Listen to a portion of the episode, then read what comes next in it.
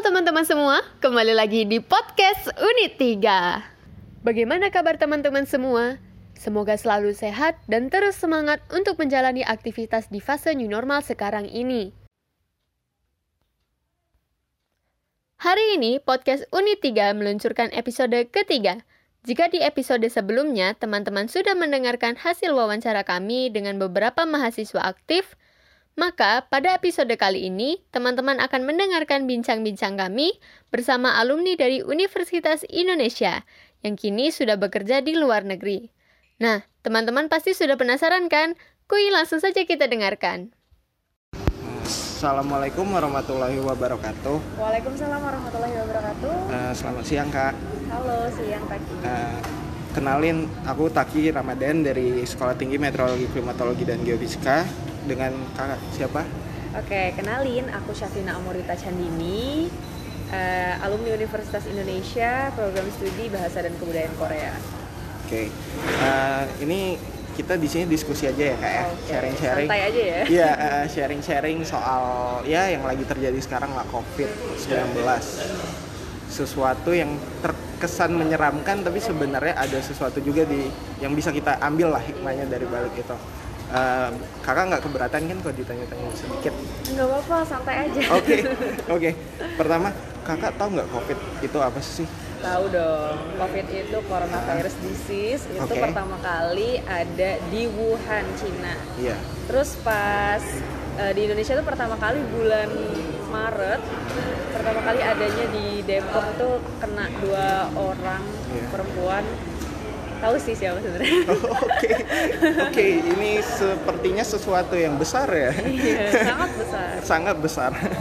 Berarti kemarin kan di Depok tuh case pertama ya. Berarti itu kakak kan di UI waktu itu. Itu gimana kak kondisi di sana? Oke, jadi itu tuh sebenarnya aku masih di Bogor waktu itu yeah. kayak lagi ngunjungin tempat saudara gitu kan lagi ah, ah. sakit uh, terus tiba-tiba um, ada berita kalau covid itu masuk ke Indonesia yeah. dan udah di rumah sakit Depok aku tuh langsung kayak waduh aku nggak bisa pulang ke Depok di sekarang tuh yeah. aku langsung nelpon tuh dari Palembang uh, dia nggak usah pulang dulu pokoknya nggak usah pulang ke Depok dulu tapi aku masih maksain gitu pulang ke Depok dan iya. orang-orang tuh waktu itu pas pertama kali diumumin masih belum ada social distancing kereta tuh masih rame yeah. bahkan um, cuman sedikit orang-orang tuh yang pakai masker itu hmm. sih yang aku ingat pertama kali tapi beberapa hari kemudian kayak case-nya bertambah hmm. aku ngelihat um, waktu itu aku pas tinggal di Depok orang-orang tuh udah aware banget sama keadaan yes. waktu saat itu. Mereka udah pakai masker terus mereka juga uh, mulai jaga jarak. Meskipun mereka banyak banget berpergian pakai KRL terus pakai Transjakarta juga dan itu masih rame. Cuman uh, udah aware banget sih. Tapi anehnya nih lucunya pas aku yeah. pulang ke Palembang gue nggak ada social distancing? Kok apa ya kayak kaget gitu loh. Pertama-tama tuh emang inget banget aku pas di bandara aku nggak ngerti ya nggak um, dicek suhu tubuh iya benar itu padahal kan benar. padahal kan uh, cek suhu tubuh kan penting kan iya. pas aku pulang itu nggak dicek sama sekali suhu tubuh dan apa segala macam itu nggak bahkan yang pakai apa di layar-layar gitu kan iya. kayak di mall itu kan nggak nggak ada sama sekali yang kayak gitu pas aku pulang ke sini terus pas aku ngelihat orang-orang juga masih banyak yang nggak pakai yes. masker kan uh, di Palembang banyak banget mm -mm. Banyak. dan sampai beberapa bulan di Palembang pun memang sih Palembang uh, memberlakukan PSBB gitu kan uh. cuman pas sekarang itu aku ngelihat kok orang-orang yang pada nggak social distancing terus uh, naik motor juga nggak pakai masker iya, dan benar.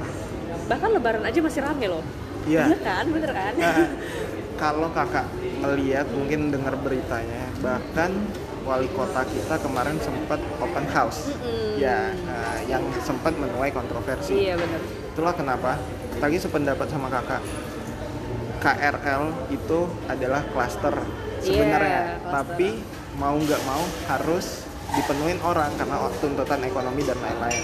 Dan ketika lagi pulang ke sini di Soekarno Hatta itu benar-benar kosong nggak ada pemeriksaan kayak kata kakak iya kan? Bener iya benar ya. benar uh, kontak fisik segala macam kayak ini masyarakat belum aware kalau kasusnya belum benar-benar serius. Iya. itu mindset orang. Dan lucunya gini iya. orang-orang banyak yang beranggapan bahwa ini adalah sebuah konspirasi. Nah itu lucu banget sumpah. Maksudnya gini mungkin mereka belum nemuin orang-orang yang yeah. uh, terkena covid di depan mata mereka gitu loh. Atau yeah, benar. mungkin mereka belum merasakan uh, itu. Uh, merasakan dampaknya sendiri aku percaya kalau ini tuh bener-bener ada gara-gara yang pertama teman asrama aku oh. itu volunteer covid okay. di rumah sakit UI itu yang pertama hmm. terus yang kedua senior aku kena covid dua orang jadi itu kan jaraknya deket banget ya maksudnya uh, dia lagi ngisi seminar waktu webinar yeah. tapi dia batuk-batuk dan batuknya parah banget kita lagi ngeliat tuh kakaknya kok lagi sakit gini-gini maksain apa ngisi webinar gitu. Ternyata beberapa hari kemudian kita dapat kabar bahwa kakaknya positif. iya positif dan diisolasi dari satu keluarga.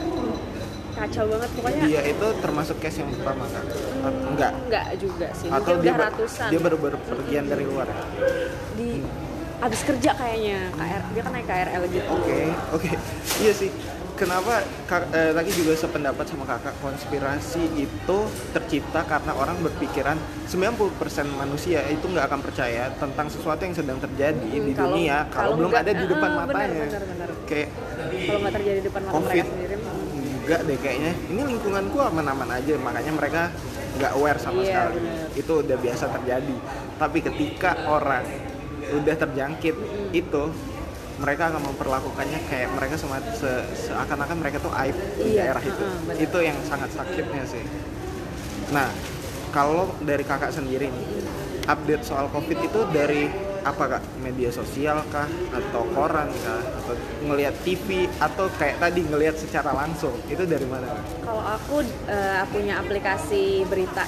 Oke. Okay. detik.com ini boleh disebut yeah. gak sih? Eh, boleh boleh. Boleh kak. Ini bebas mau okay. IDN kayak boleh, mau, boleh. detik.com sampai mau mojok aku, juga nggak apa-apa. Aku nyalain kan notif dari yeah. detik.com itu. Biasanya kalau misalnya ada ini baru ini ada berita baru nggak nih kan ada tuh berita baru ah, nih oke okay, jadi kalau misalnya ada berita baru ah. tuh pasti uh, update gitu oh okay. ini lagi ada ini ada ini yeah. gitu covid aja kemarin sudah 118 ribu di Indonesia wow itu kacau banget yeah. 118 ribu di Indonesia sedangkan wow. case di Malaysia aja uh, pertambahannya tuh cuma 0 satu orang dua orang gitu sedangkan di Indonesia tuh biasanya ratusan per hari Benar. itu sih yang kacaunya iya jadi uh, sebenarnya fun fact-nya ya, di per hari kemarin sih baru update itu pertambahannya adalah 1.815 orang per hari. Wow. Karena karena rapid test yang semakin mudah ya mungkin ya rapid test yang harganya kan udah diturunin segala macam dan masyarakat yang kayak semakin banyak yang tes jadinya pertambahan kasus tuh semakin ini uh, ayahnya Takia kan kerja di BI ya. Hmm. Dan sekarang 8 orang positif positif ya? di BI iya. Aku denger gitu iya makanya kenapa klaster baru sekarang itu orang nyebutnya kantor. Kantor tempat-tempat umum segala macam. Ya mungkin karena masyarakatnya yang balik lagi kurang aware sekarang kayak yang ya udah selama masa PSBB formalitasnya nurutin aturan yang ada lah tapi ketika nggak PSBB lagi oke okay, balik ke normal iya nggak physical distancing ya. lah gitu new normal bagi mereka adalah normal yang terjadi setelah wabah iya, padahal bener. wabahnya masih ada jadi mereka tuh kayak ya udah sih kan udah normal sekarang selama Pada. vaksinnya belum ampuh sih kita nggak bisa nyebut ini normal ya, gitu kan vaksin ada. aja baru bakal diuji coba di tanggal 11 Agustus nih iya makanya kenapa banyak banget berita-berita di luar sana yang ngomong oke okay, kehidupan udah berjalan lagi sekarang semua udah baik-baik aja. Nggak ada nggak akan pernah ada kata baik-baik aja selama kita nggak tahu penularannya gimana kita nggak tahu cara mengobatinya gimana kita nggak tahu banget virus ini nih apa sebenarnya yeah. tanpa ada dasar ilmunya. Jadi kan orang tuh menggampangkan lebih tepatnya. Itulah kenapa mindsetnya balik lagi mereka akan menggampangkan sesuatu yang mereka nggak pernah benar-benar tahu sebelum mereka tahu. Karena, ya hmm, bener. itu. Nah terus kayak pendapat kakak nih menu, eh, terkait penambahan pasien yang setiap harinya tuh terus bertambah. Nah kayak, kayak misalnya sekarang Vietnam. Vietnam itu kan kemarin katanya bersih ya. Yeah. tapi akhirnya ada pertambahan lagi malah ada korban meninggal Nah dan kayak Filipina ada pertambahan lagi. Itu menurut kakak terkait penambahan pasien tiap harinya itu gimana? Sejujurnya aku secara pribadi sedih sih. Yeah. Karena semakin banyak pasien ah. yang uh, terjangkit COVID, yeah. semakin apa ya? semakin susah juga kita itu buat uh, cari kerja gitu ini nih yeah, oke okay, terus yang kedua uh. ini itu berdampak langsung sama aku sendiri nih kan uh, aku mau kerja tuh di Kuala Lumpur tapi karena Malaysia nya masih di lockdown itu sejak Maret aku nggak bisa ke sana nih sampai sekarang berbulan-bulan udah taken kontrak yeah. belum digaji yeah. tapi nggak bisa cari kerja lain gitu itu kan yeah. sedih kan maksudnya sedih, berdampak iya banget. berdampak banget Oke. Okay. Kalau misalnya uh, makin banyak orang yang kena juga apa ya? Jadinya tuh kayak susah aja gitu kita buat uh, menyembuhkannya lagi. Soalnya gini, yeah. kalau misalnya lebih banyak orang yang kena dan kita mungkin nggak tahu orang itu kena nggak terdeteksi gitu kan ketika kita udah punya vaksinnya gitu uh, kita belum apa ya belum bisa 100% bunuh si virus. itu virus itu gitu ah. kan kita nggak tahu kalau misalnya dia nggak ngetes kalau dirinya itu positif gitu kan yeah. dan itu sih yang sulit penyebarannya itu yang sulit dihentikan maksudku gitu. ya bener sih kayak setuju sama kakak dampak yang dirasakan orang-orang itu kan berbeda ya ada yang nggak merasakan banget dampaknya ada yang mungkin dari situ rasa kemanusiaan kita ya harusnya ditunjukkan yang katanya istilahnya memanusiakan manusia yeah. nah cukup kita dengan menaati protokol kesehatan yang ada dengan ya, misalnya tetap pakai masker, pakai masker, tetap uh, physical cuci distancing, cuci, cuci tangan, tangan iya. terus ganti masker kalau misalnya iya. udah pergi itu langsung uh, dicuci pakai deterjen itu wajib. Dan kalau kita nggak ada memang keperluan untuk keluar tetap di rumah aja, karena kita nggak tahu selain virus itu bisa menjangkit kita, teman-teman di luar sana yang terkena dampaknya kita kan nggak pernah ngerasain kesedihannya gimana apa apakah kita tahu orang yang ada di depan kita sekarang baik-baik aja sebenarnya dia habis di PHK kita nggak tahu bener, bener. apa di depan kita orang itu habis nggak bisa ngelanjutin kuliahnya. Kan kita nggak tahu. Nah dari situ aja mungkin bisa timbul rasa eh, kasih sayang sesama manusia. Itulah kenapa balik lagi ke kayak kata tadi di awal di balik virus corona ini sebenarnya ada hal-hal yang bisa kita ambil hikmahnya. nah kalau dari kakak sendiri sekarang bagaimana cara kakak untuk bisa berdamai dengan keadaan kakak sekarang? Kalau yang pertama dan paling utama yeah, oke. Okay. pokoknya aku senantiasa mensyukuri hidup. Yeah. setiap harinya mensyukuri hidup. Karena apa? Karena kalau nggak ada covid mungkin aku nggak bisa pulang ke Palembang. Kalau nggak ada covid aku nggak bisa um, bercengkrama lagi sama keluarga aku gitu kan. Aku harus langsung ke Kuala Lumpur entah sampai kapan gitu kan. Mungkin ah. lebaran dan cuma berapa hari pulangnya gitu kan.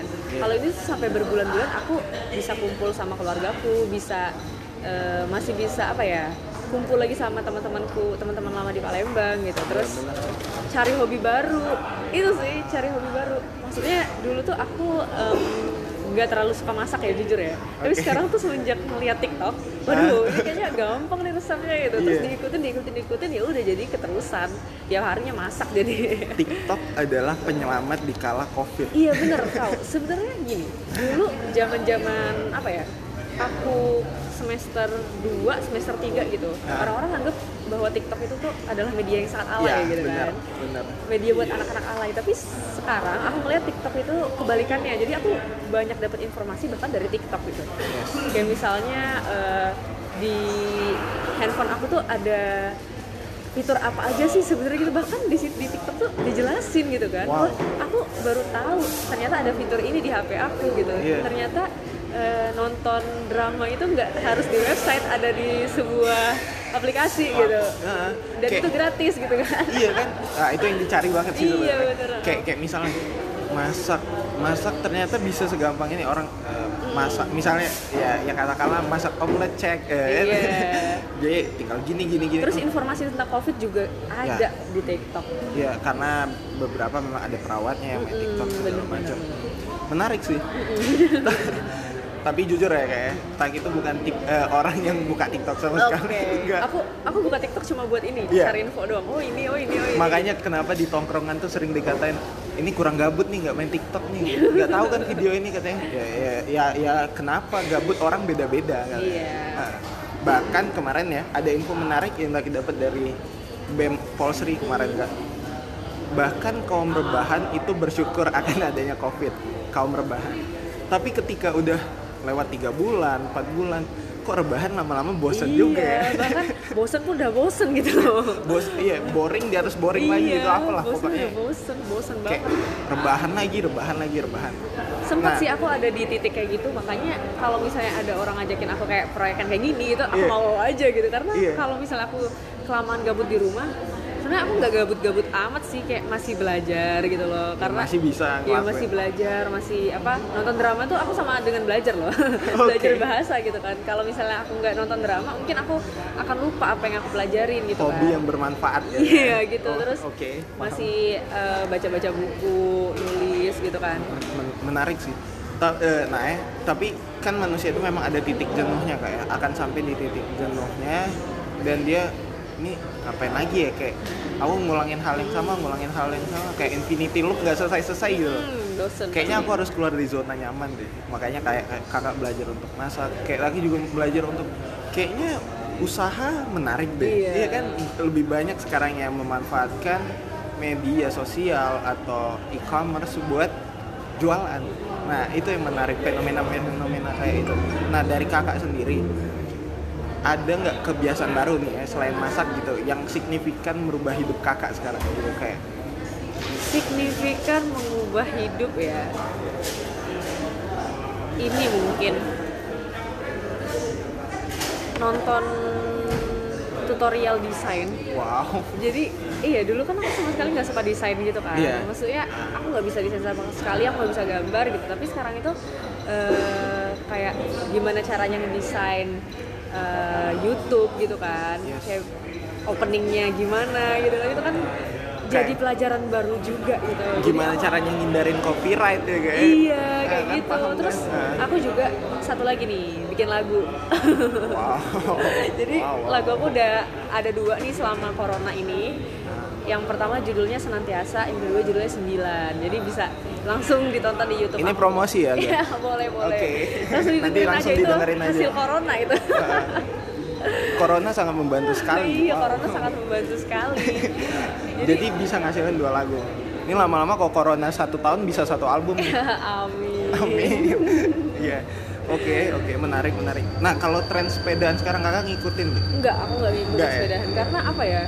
Selama pas aku masih kecil, aku sering banget sepedahan gitu kan. Oke. Okay. Terus yang kedua, selama kuliah, jujur aku sering banget sepedahan selama kuliah berangkat ke kampus tuh kadang aku sepedahan gitu karena di kampus itu kan sepedanya gratis kan iya dulu pas aku tiga tahun pertama tuh gratis oh dari UI-nya nyediain iya tapi setengah tahun setelahnya bayar itu sih yang bikin aku sedih jadi aku wow. setengah tahun itu nggak eh, nggak uh, nikmatin sepeda lagi habis itu lama-lama aku bosen sepedahan gitu iya, terus orang-orang tuh lagi pada sepedahan kan uh. aku kayak pengen juga ikut sepedaan tapi aduh enggak deh kayaknya gitu kayak kayak arusnya kayak iya. ikut arus cuman ini sih ada kebiasaan buruk yang nggak um, pernah aku lakuin selama masa ini corona ini apa, apa itu kak? olahraga Oke, okay, jadi sebenarnya ini nggak boleh ditiru ya teman-teman ya. Iya benar. Nggak boleh ditiru. Sebenernya, jangan malah. Jangan, jangan ditiru ini. Nggak tahu kenapa. Ya, ini buruk banget sih. Aku nggak pernah olahraga sama sekali selama uh, masa covid ini. Nggak pernah sama sekali olahraga Nah, kalau berbanding sama kakak terbalik malah covid ini malah rajin olahraga. Rajin olahraga. Ah, kayak kayak pulang dari eh, kan dibalikin dari kampus kan sebulan pertama aduh aku mau ngapain ya di di sini ya kayak dia aja di rumah dia nggak ngapa-ngapain eh lewat sebulan dua bulan aku, kayaknya harus produktif deh harus ada yang dilakuin deh. Do something. Ngapain ya tapi kayak apa yang bisa ngerubah diri gitu loh. Kayak belajar hal baru. Ya mulailah dimulai dari olahraga. Lagi itu orangnya paling nggak suka olahraga apalagi lari. Tapi I try to tell myself that it not it not hard to be and do do something that you don't like. Nah, jadi kayak sesuatu yang nggak kita suka itu sebenarnya bisa kita suka balik ke pola pikir. Makanya lagi belajar eh, lari lah lari.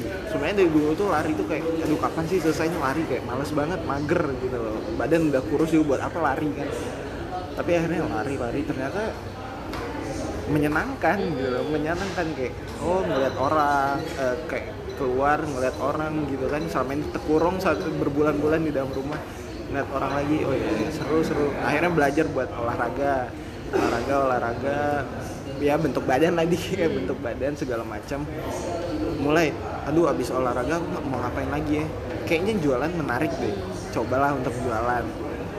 Uh, open a new horizon and, uh, melakukan sesuatu yang baru. Kayaknya nggak sulit deh. Akhirnya ngerasain yang namanya aktivitas baru belajar uh, terus ke ke sini belajar untuk podcast ya. Bukan pertama karena tuntutan KKN tapi kayaknya oh, jadi wajib gitu ya? Iya kayak kayak ya iya, iya kayak proker lah. Karena kan kakaknya dari tapi akhirnya kayak podcast menarik deh. Kayaknya ini harus dilanjutin yeah. gitu di luar KKN kayak aku pengen karena pagi tipe orang yang pengen banget belajar sama orang-orang baru.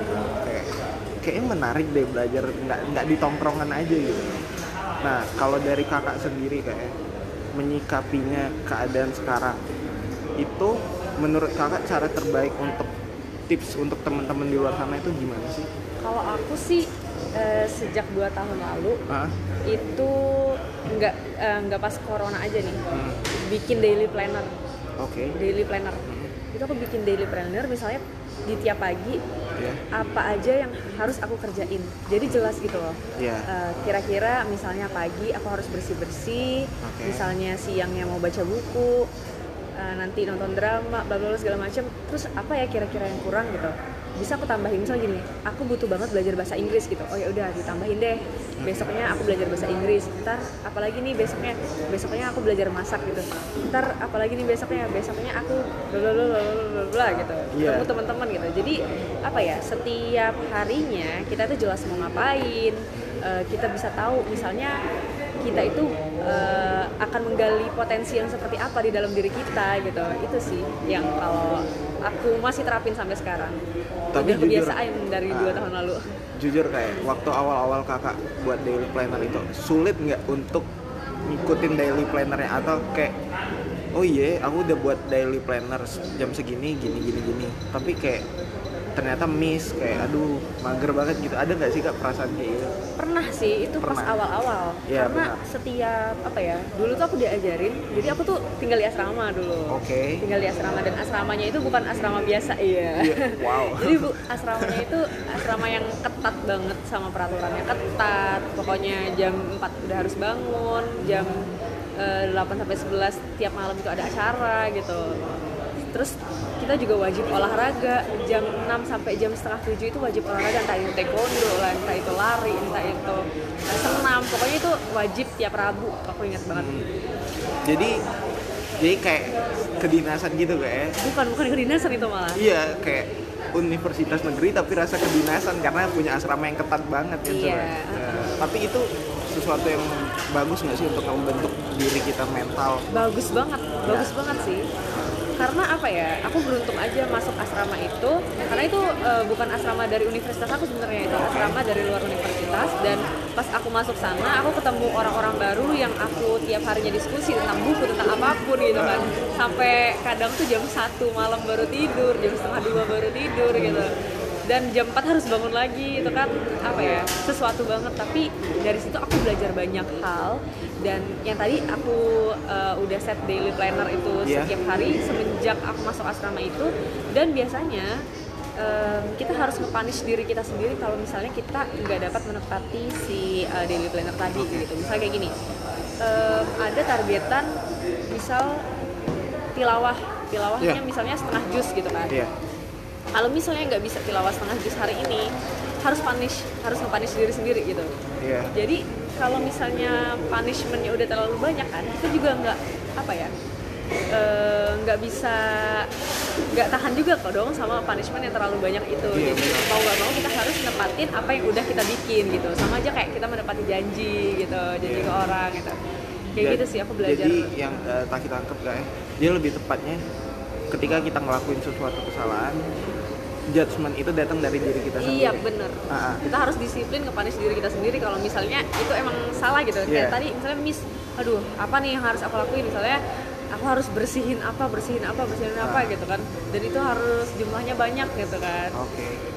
dan kalau kita berhasil menjalankan sesuatunya itu reward reward buat diri kita sendiri kan dan kakak pernah ngelakuin itu reward kayak nge-reward diri sendiri kayak nah, appreciate jadi, jadi uh, aku diajarin sama seorang psikolog hmm? di universitas aku kalau nge-reward diri sendiri itu kan macam-macam iya, bentuknya. Tapi yang paling sederhana itu adalah dengan menuliskan tiga hal yang paling kita syukuri di dalam hidup itu tiap hari dan itu konsisten.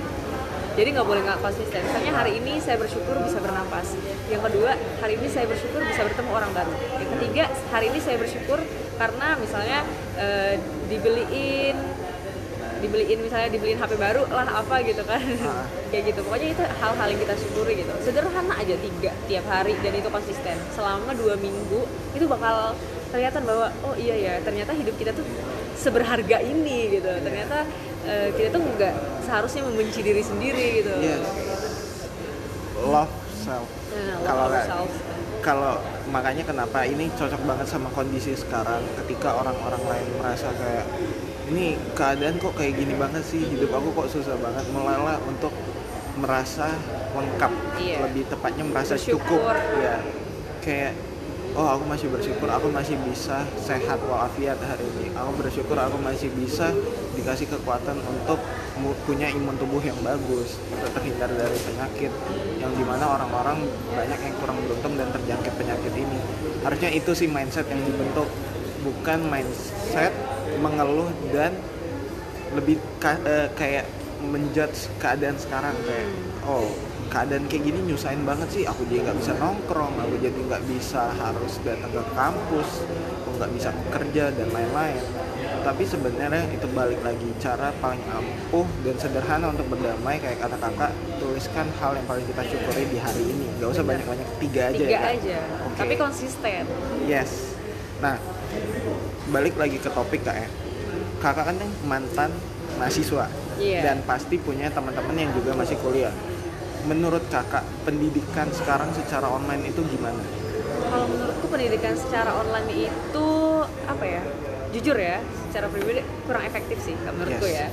Yang pertama kita ketemu sama dosennya langsung aja, kadang kita nggak paham apa yang uh, dijelasin sama dosennya. Terus kadang kita apa ya uh, susah ngerti juga gitu loh. Itu yeah. ketika ketemu langsung apalagi online gitu. Di online itu kadang orang-orang matiin kamera tidur gitu loh itu sering banget kejadian bahkan um, aku ngelihat kondisi adik-adik tingkatku nih kan aku lumayan uh, banyak temen juga nih yang adik-adik tingkat.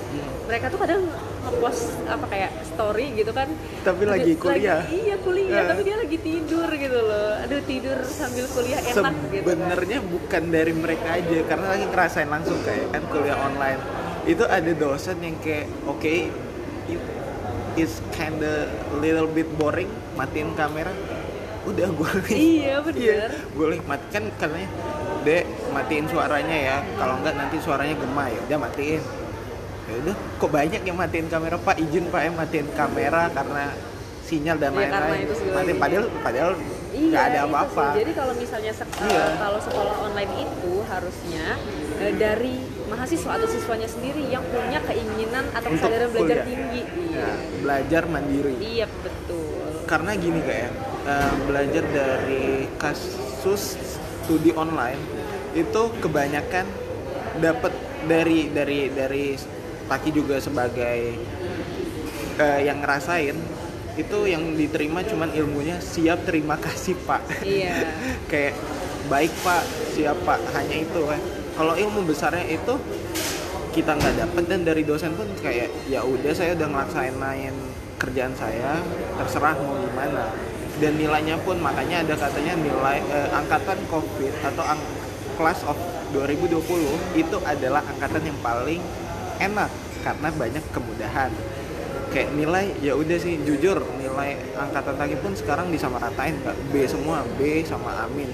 Ya udah nggak ada tapi ilmunya nggak ada. Kasihan di kami yang akan masuk ke tingkat akhir ini karena kan semester 6 itu sangat berarti ya ilmunya untuk dipakai buat cari judul skripsi apalagi yang uh, jurusan tadi itu kan harus buat alat dan lain-lain. Jadinya kayak ya ampun kita semester 6 belajar apa sih ya? Ini kan padahal penting hmm. penting banget untuk skripsi tapi ya mau gimana lagi cara kayak nggak berasa gitu nggak sih iya, kalau misalnya kayak, sekolah online? Oh udah uas ya tiba-tiba. Hmm, tiba-tiba uas. Uasnya online pula kemarin kan jadi kayak dan ngerasa nggak sih kalau misalnya sekolah online itu lebih banyak tugasnya daripada uh, tatap muka langsung? Bener bener banget. Dan itu bikin stres sih Ke, uh, salah satunya ada mata kuliah yang kita ambil contoh aja yang nggak pernah ngasih tugas nih. Dosennya juga ya dosennya ngajar lah karena dia tatap muka langsung. Tapi ketika online dosennya nggak pernah ngajar nggak pernah muncul tiba-tiba ngirim materi sama tugas. Jadi kami bingung mau ngapain. Itulah tercipta yang namanya ilmu kopi. Pasta ini nggak jangan ditiru ya sebenarnya. Tapi tapi kenyataannya kayak gitu. Kayak ini dosen nggak ngasih materi apa-apa. Yang ngerti juga cuman sebagian yang dikatakanlah yang memang dia benar-benar buka materi banget lah saking gabutnya. Nah yang nggak buka materi jadinya jatuhnya cuman bisa tolong ya bagi tugas. Ini nggak jangan ditiru sih sebenarnya. Tapi ya, ya gimana ya memang kayak gitu karena itu tuntutan keadaan. Dan ketika mau buka lagi materinya udah datang materi yang lain iya. datang tugas yang lain dan lucunya tugas itu terkadang nggak sesuai sama materi. Iya sering iya. banget kayak gitu. Sering banget kak. Bahkan nyebelinnya kayak gini uh, ketika kita mau ngerjain tugas karena kita di rumah aja ini mungkin banyak juga mahasiswa atau siswa yang ke distract sama adiknya misalnya gitu iya, kan benar benar benar itu aku nonton uh, di mata Najwa tuh oh ada yang ke distract sama adiknya ke distract lagi sama misalnya orang tuanya nyuruh eh ini lo belum nyuci piring lo segala macem gitu kan. Waduh iya eh, bahkan ada temen lagi kayak lagi kuliah dia lupa matiin suara kan memang nggak nggak matiin suara. Dia kan orang Batak melihara anjing. Nah anjingnya itu ngonggong-ngonggong kenceng banget. Eh itu anjing siapa ya? Makanya rame banget ke distract sama sesuatu kecil kayak gitu. ada yang adanya tiba-tiba lewat ada yang dipanggil tadi kayak kayak kata kakak kan pantainya manggil segala macem. Jadi kami kayak ini ini belajar atau main sih sebenarnya iya, lagi nongkrong sih, sama dosen sih sebenarnya. Kayak ya tapi ada juga yang permasalahan dari dosennya nggak ada sinyal segala macem. Nah salah satu kendalanya itu sinyal. Nah menurut kakak itu gimana sih kota dan sinyal itu? Aduh sebenarnya itu aku setuju sih sama mahasiswa-mahasiswa sekarang yang ngedemo. Waduh maaf ya ini masih nah, ini apa, apa ya uh, masih jiwa mahasiswa. Wow. Yang demo-demo gitu yang buat um, apa kalau misalnya kampus itu seharusnya memberikan uh, kuota buat dat kuota data buat mahasiswanya gitu loh. Karena kan uh, mereka kan nggak menggunakan fasilitas di kampus kan. Seenggaknya karena mereka juga bayar UKT UKT itulah yang di iniin lagi dibalikin lagi ke mereka buat mereka beli paket data gitu. Itu sih maksudku. Dari mahasiswa untuk mahasiswa. Iya benar. Soalnya aku juga sempat ngajar online kan waktu beberapa bulan yang lalu. Juni kemarin sempat ngajar online tapi aku bilang aku stop gitu. Karena kondisi sinyal di sini tuh bener-bener nggak maksimal jujur. Semenjak aku um, pindah ke sini ya maksudnya ke Palembang kacau di tempatku ya? iya kacau banget aku nggak tahu padahal kalau misalnya aku keluar tuh biasa aja gitu mungkin di daerah rumahku iya Iya wajar sih. Aku juga bingung gitu. Itu juga dirasain sama orang-orang. Bahkan ada pengalaman dari temen Taki itu orang timur kan. Hmm. Yang sinyalnya itu ya geser dikit hilang, hmm. GSM. Iya, geser dikit mati. Nah, terpaksa dia harus karena tuntutan kuliah online dia harus pergi ke hutan dan dia taruh laptopnya di atas batu batu yang tinggi untuk dapat sinyal karena kan semakin tinggi kan semakin bagus ini. Karena nggak setiap daerah iya, sama kan. Iya, makanya kenapa lucu banget sampai per, eh, kalau katanya tuh perjuangannya banget lah masuk ke hutan harus belajar kan. Itu yang harus sebenarnya jadi uh, bukan jadi masalah sih lebih kayak harus aware lagi lah dari pemerintah. uh, ini sebenarnya hanya opini ya kayak karena kayak mahasiswa itu harus tetap bayar UKT tapi ya tadi nggak dapat kuota atau mereka disuruh pulang tapi tidak dibekali apa-apa dari kampus. Karena kalau sejauh ini yang kita tahu sih cuma beberapa universitas aja sih kalau di Palembang yang dapat kuota. Salah satunya kemarin lagi uh, ngobrol sama BEM Polsri Polsri dapat uh, 10 giga tapi 10 giga itu sekali dipakai Zoom itu 2 giga. Iya benar. Nah, sedangkan Zoom itu bisa ber, ber seminggu adalah Berapa dari dosen. Ya? Iya. Bahkan kayak KKN pagi sekarang itu via daring itu harus rapat harus koordinasi sama dosen segala macam itu nggak bisa via WA aja harus zoom berkali-kali kasihan yang nggak punya wifi kan makanya itu salah satu aware yang harus dilihat sama pemerintah nah nah ini kak ini kan udah di penghujung wawancara nih harapan kakak terhadap keadaan sekarang itu apa harapannya semoga hmm. vaksin yes. cepat paten lah ya kalau misalnya okay. vaksinnya nggak paten-paten aduh sampai kapan kelar corona ini kalau misalnya uh, coronanya nggak kelar kita kapan bisa normalnya gitu kan harapannya sih semoga uh, masyarakat Indonesia tetap mensyukuri keadaan terus yang kedua uh, banyak yang sembuh dari covid Amin. yang ketiga penularannya nggak semakin banyak itu aja sih Amin Oke, okay. baik uh, baiklah, makasih kak ya buat waktunya yang udah mau diganggu untuk diwawancarai. santai, santai. Ini gabut juga, santai. Oke, ini gabut yang bermanfaat ya. Nanti bisa didengar sama teman-teman di kalau udah di up ya. Oke, baiklah sekian. Assalamualaikum warahmatullahi wabarakatuh. Waalaikumsalam warahmatullahi wabarakatuh. Baru saja teman-teman dengarkan hasil diskusi dan obrolan kami bersama rekan-rekan dari Badan Eksekutif Mahasiswa Politeknik Negeri Sriwijaya. Menarik sekali bukan? Dari hasil diskusi dan obrolan tersebut, kita jadi mengetahui bagaimana dan apa saja kegiatan dari rekan-rekan mahasiswa lainnya selama masa pandemi ini. Terima kasih kepada teman-teman semua yang sudah mau mendengarkan podcast kami. Jangan lupa ya untuk terus mengikuti update podcast kami karena masih ada pembahasan menarik di podcast yang akan datang tentunya. Salam sehat untuk semua dan